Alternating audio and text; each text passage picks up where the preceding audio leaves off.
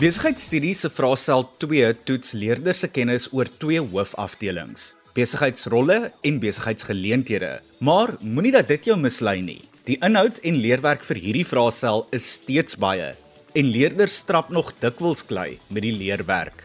Hallo hallo, ek is Adrian Brandt en ek kuier vir die volgende paar minute saam met jou net hier op RSG.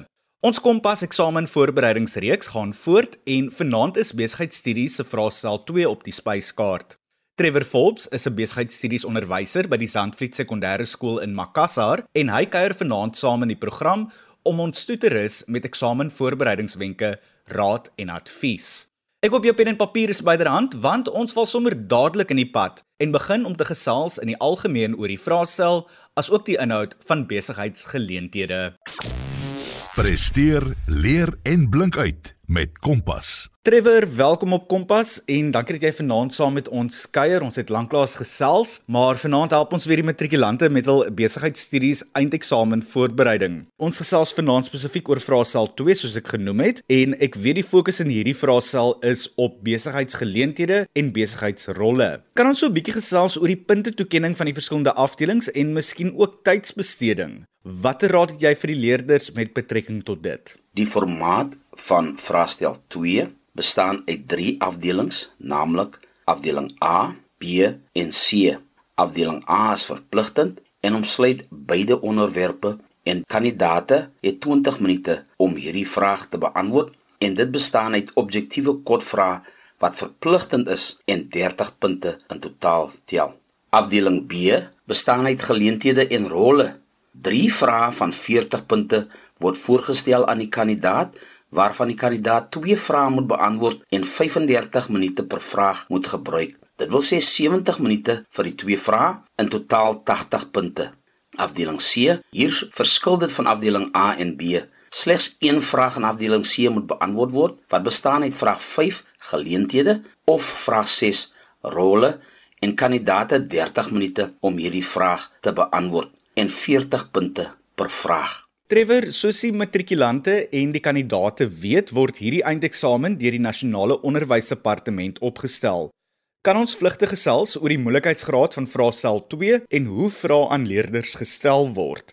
Wat is dit wat leerders in gedagte behoort te hou wanneer dit hierby kom? Dit is belangrik dat die kandidaate hulle vergewis van die verskeie kognitiewe vlakke in die vraestel en ook die punte totaal in geheel. Byvoorbeeld, lae orde is 45 punte van die vraestel. Dit wil sê 30% middelorde beslaan 75 punte van die vraestel, dit wil sê 50% en dan hoë orde is 30 punte van die vraestel, dit wil sê 20%. Trevor, ek wil hê dat ons nou so 'n bietjie meer in diepte moet gesels oor die inhoud van die verskillende vrae van vraestel 2. Wat moet leerders ken, leer en voorberei vir hierdie besigheidstudies vraestel 2 en waarna moet hulle veral oplet in die vraestel? Daar is eksamenriglyne wat 'n baken is van wat gevra gaan word en dit is 'n raamwerk waar volgens die eksaminatore moet werk, waar volgens die onderwysers moet werk en as die kandidaat hom kan vergewis ook van die kerninhoud van die eksamenriglyne is hy gereed vir hierdie eksamen en hulle kan niks anders vra as net wat in hierdie kerninhoud en raamwerk is,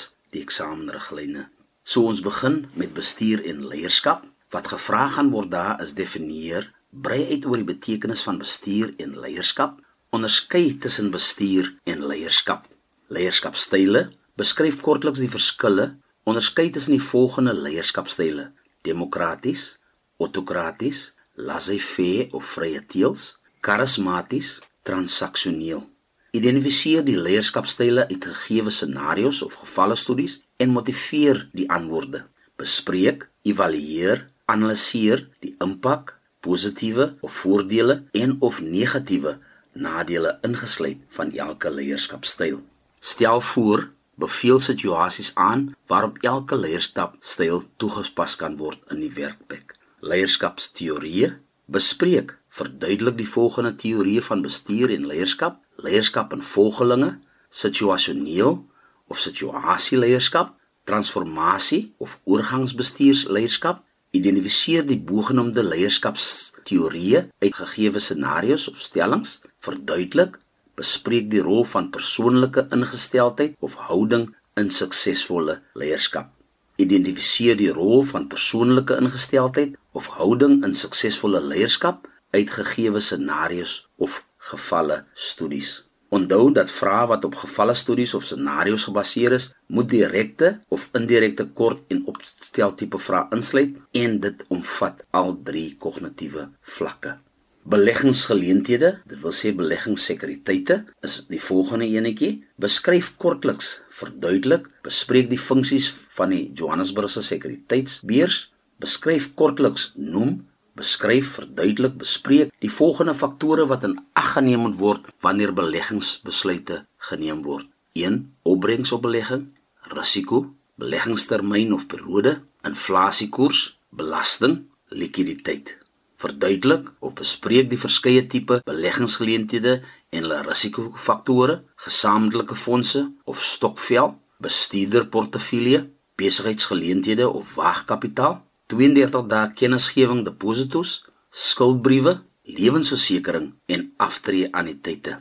Verduidelik of bespreek of analiseer, evalueer positiewe voordele en of negatiewe nadele van die volgende beleggingsforme: die regering of die RSA kleinhandelspaar effekte, effekte trust, aandele, vaste deposito.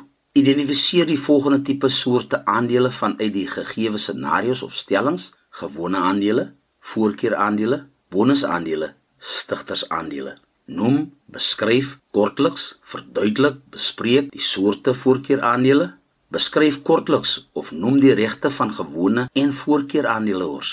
Identifiseer die soorte voorkeuraandele uit die gegeewe scenario's of stellings. Onderskei tussen gewone en voorkeuraandele. Definieer, verduidelik die betekenis van skuldbriewe, dividende kapitaalwins, enkelvoudige rente, saamgestelde rente. Onderskei tussen enkelvoudige en saamgestelde rente. Bereken enkelvoudige en saamgestelde rente uit gegeewe scenario's.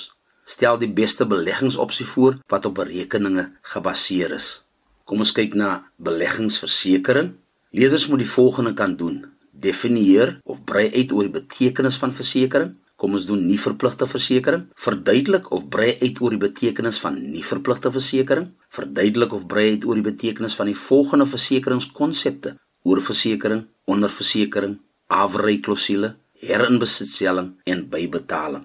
Verduidelik die verskille tussen oor- en onderversekering. Onderskei tussen versekering en assuransie en gee ook voorbeelde.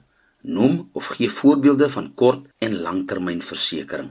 Noem, verduidelik, bespreek die volgende beginsels van versekering: skadeloosstelling of indemnifikasie, sekuriteitstelling of sekerheid, uiters goeie trou, versekerbare belang.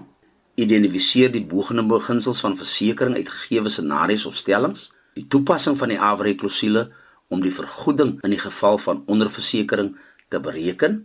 Bespreek verduidelik die voordele en die belangrikheid van versekering verduidelik die betekenis van versekerbare en nie versekerbare risiko's, beskryf kortliks, noem, gee voorbeelde van versekerbare en nie versekerbare risiko's. Verpligte versekering, verduidelik, brei uit oor die betekenis van verpligte versekering, verduidelik, onderskei tussen verpligte en nie verpligte versekering en gee voorbeelde, bespreek, verduidelik soorte van verpligte versekering, byvoorbeeld werkloosheidsversekeringsfonds, padongeluksfonds, voordele skema, POFs of RAPs in Engels en die wet op vergoeding vir beroepsbeserings en siektes. Verduidelik die soorte voordele wat die wet op werkloosheidsversekeringsfonds kan uitbetaal. Identifiseer die soorte verpligte versekering uit gegee scenario's of stellings. Bly op hoogte van 'n verandering in die wetgewing wat plaasvind, byvoorbeeld POF is in die proses om oor te skakel na die padongeluksvoordele skema wat hy heidaglik is. Kom ons kyk na ondernemingsvorme. Bespreek, verduidelik die kernmerke eienskappe van elke ondernemingsvorm. Verduidelik die betekenis van beperkte aanspreeklikheid en onbeperkte aanspreeklikheid. Bespreek, verduidelik, evalueer die impak, positiewe voordele en of negatiewe nadele van verskillende ondernemingsvorme. Verduidelik, bespreek hoe die volgende kriteria tot die sukses en of mislukking van elke ondernemingsvorm kan bydra: belasting, bestuur, kapitaal, verdeling van winste, wetgewing of regsvereistes, aanbieding en data respons. Beskryf kortliks, verduidelik, bespreek faktore wat oorweeg moet word wanneer 'n aanbieding voorberei word voor die aanbieding. Beskryf kortliks verduidelik faktore wat die aanbieding tydens die aanbieding ag moet neem. Byvoorbeeld, behou oogkontak, gebruik van visuele hulpmiddels, bewegings moenie vinnig praat nie, gebruik pauses waar nodig is, dit wil sê tydens die aanbieding. Identifiseer die faktore wat oorweeg moet word wanneer 'n aanbieding voorberei word en tydens die aanbieding in ag geneem moet word uit gegeewe scenario's of gevalle studies. Verduidelik hoe om 'n vraag na die afloop van 'n aanbieding op 'n nie-aggressiewe en professionele wyse te hanteer of te reageer na die aanbieding. Haal maniere aan oor hoe die aanbieder terugvoer vrae op 'n nie-aggressiewe en professionele wyse kan hanteer van gegeewe scenario's of gevalle studies. Stel voor, beveel maniere aan hoe die aanbieder terugvoer op 'n nie-aggressiewe en professionele wyse kan hanteer. Verduidelik, stel voor, beveel aan areas van verbetering in die volgende aanbieding. Identifiseer die areas van verbetering in die volgende aanbieding van gegeewe scenario's of gevalle studies. Data respons. Bespreek kortliks, verduidelik die aspekte wat in ag geneem moet word wanneer 'n multimedia aanbieding ontwerp word. Byvoorbeeld, begin met die teks of die inhoud, kies die agtergrond en kies relevante prente en skep grafieke. Gee voorbeelde van nie-verbale aanbiedinge, byvoorbeeld geskrewe verslae, scenario's, soorte grafieke. Verduidelik, bespreek, evalueer die impak van die volgende visuele hulpmiddels: PowerPoint en die dataprojektor, oorhoofse projektor en transparante, uitdeelstukke, gedrukte afskrifte of brosjures, videokonferensie, Skype, plaaiborde, interaktiewe witbord, plakkate, baniere, advertensiemateriaal. Identifiseer die visuele hulpmiddels uit gegeewe scenario's of stellings.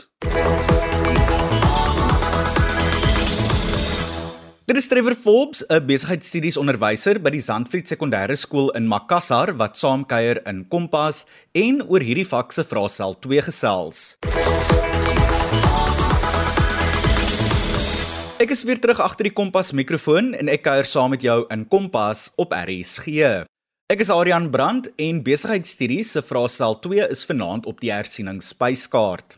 Trevor Forbes is 'n besigheidstudies onderwyser by die Zandvliet Sekondêre Skool in Makassar en voor die breek het ons oor die inhoud van die vraestel begin gesels.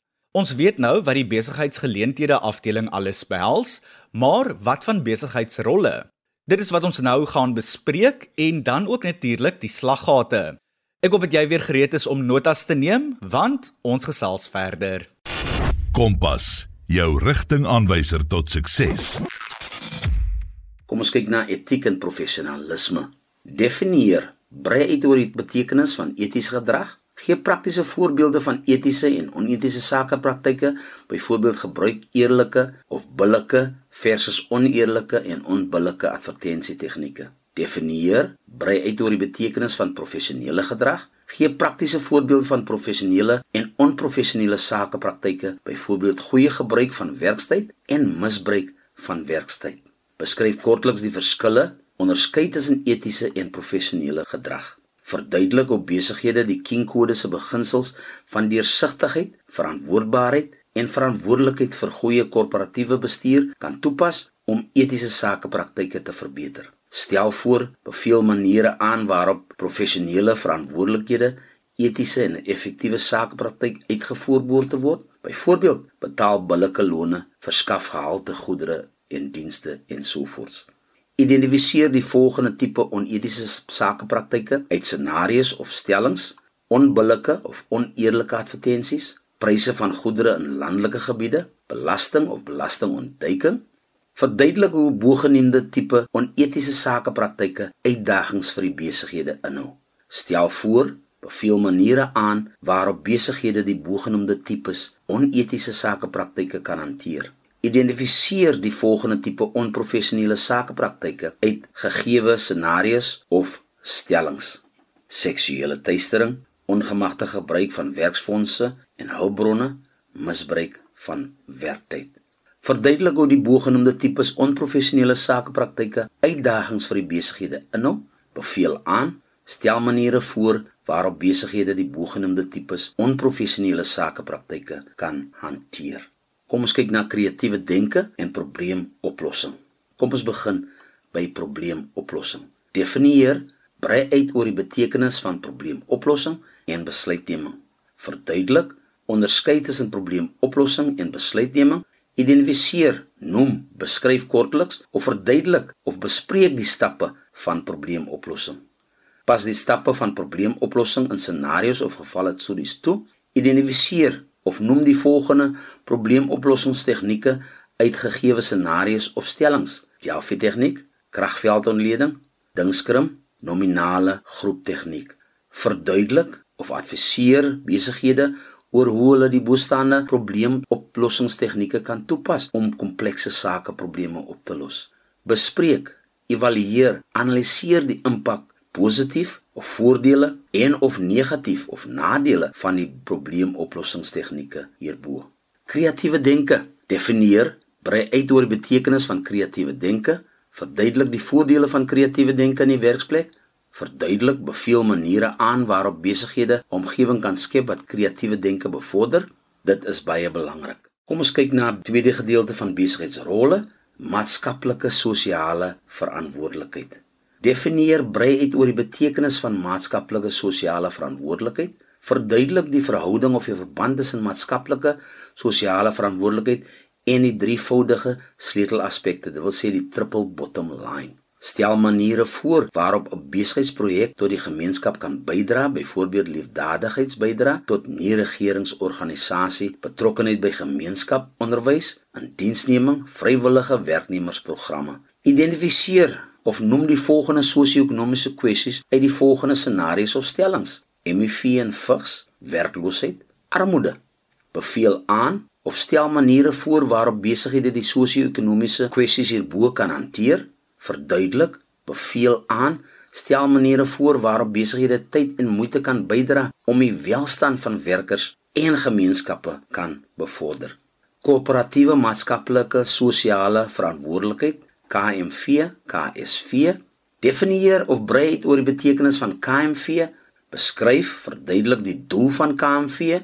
Identifiseer, noem, beskryf kortliks die komponente van KMV, die omgewing, etiese korporatiewe maatskaplike investering, beleggings, gesondheid en veiligheid. Identifiseer KMV programme uit gegeewe scenario's of stellings. Verduidelik, bespreek, evalueer, analiseer die impak Dit wil sê positiewe of die voordele en of negatiewe nadele van KMV op besighede en gemeenskappe. Kom ons kyk na korporatiewe maatskaplike investering. Definieer brei uit oor die betekenis van KMI, beskryf verduidelik die doel van KMI, beskryf kortliks of noem KMI fokusareas, byvoorbeeld gemeenskap, landelike ontwikkeling, werknemers, omgewing. Verduidelik of onderskei tussen KMV en KMI verduidelik, bespreek, evalueer, analiseer die impak, positief of die voordele en of negatief die nadele van KMI op besighede en gemeenskappe. Menseregte, ekonomiese, sosiale en kulturele regte. Beskryf kortliks noem die volgende menseregte in die werkplek: privaatheid, waardigheid, gelykheid, vryheid van spraak en uitdrukking, inligting, veiligheid, sekuriteit en beskerming van lewe. Identifiseer die bestaande menseregte uit gegeewe scenario's of stellings. Beveel maniere aan waarop besighede die bestaande menseregte in die werkplek kan hanteer. Beskryf kortliks of noem die ekonomiese regte van werkers in die werkplek. Beskryf kortliks of noem die sosiale regte van werknemers in die werkplek. Beskryf kortliks of noem die regte van werknemers in die werkplek wat ek al reeds nou genoem het, die sosiale regte beveel maniere aan waarop besighede die sosiale regte en kulturele regte in die werkplek kan bevorder, verduidelik die implikasies van gelykheid, respek en waardigheid op besighede. Kom ons kyk na diversiteit. Definieer, brei uit oor die betekenis van diversiteit in die werkplek. Identifiseer of noem die volgende diversiteitskwessies uit die gegeewe scenario's of stellings: armoede, ras, geslag, taal, ouderdom, kultuur of geloof gestremdheid. Beveel aan of stel maniere voor waarop besighede die bestaande diversiteitskwessies in die werkplek kan hanteer. Bespreek die voordele van diversiteit in die werkplek. Kom ons kyk na 'n ander gedeelte, omgewingsfaktore. Verduidelik die verantwoordelikheid van werkgewers om menslike gesondheid en veiligheid in die werkplek te bevorder. Beskryf kortliks of verduidelik, bespreek die rol van die gesondheids- en veiligheidsverteenwoordigers om die werksomgewing te beskerm, byvoorbeeld die opvolg van doeltreffendheid van gesondheids- en veiligheidsmaatreëls. Identifiseer potensiële gevare in die werksomgewing en ondersoek werkers se klagtes en sovoorts. Identifiseer die rol van gesondheids- en veiligheidsverteenwoordigers uit gegeewe scenario's. Verduidelik die verantwoordelikhede van werkers of werknemers om menslike gesondheid en veiligheid in die werkplek te bevorder. Identifiseer die rol van die gesondheids- en veiligheidsverteenwoordiger uit gegeewe scenario's. Verduidelik die verantwoordelikhede van werknemers of werkers om menslike gesondheid en veiligheid in die werkplek te bevorder. Identifiseer die verantwoordelikhede van die werkgewers en werkers, werknemers in die bevordering van menslike gesondheid en veiligheid in die werkplek uit gegeewe scenario's. Kom ons kyk verder beveel aan of stel strategieë voor wat besighede kan gebruik om die omgewing en menslike gesondheid te beskerm. Assesseer 'n saakonderneming volgens menseregte, inklusiwiteit en omgewingskwessies met behulp van informele opnames, onderhoude en so voorts. Kom ons kyk na die laaste gedeelte, spanprestasie en konflikbestuur.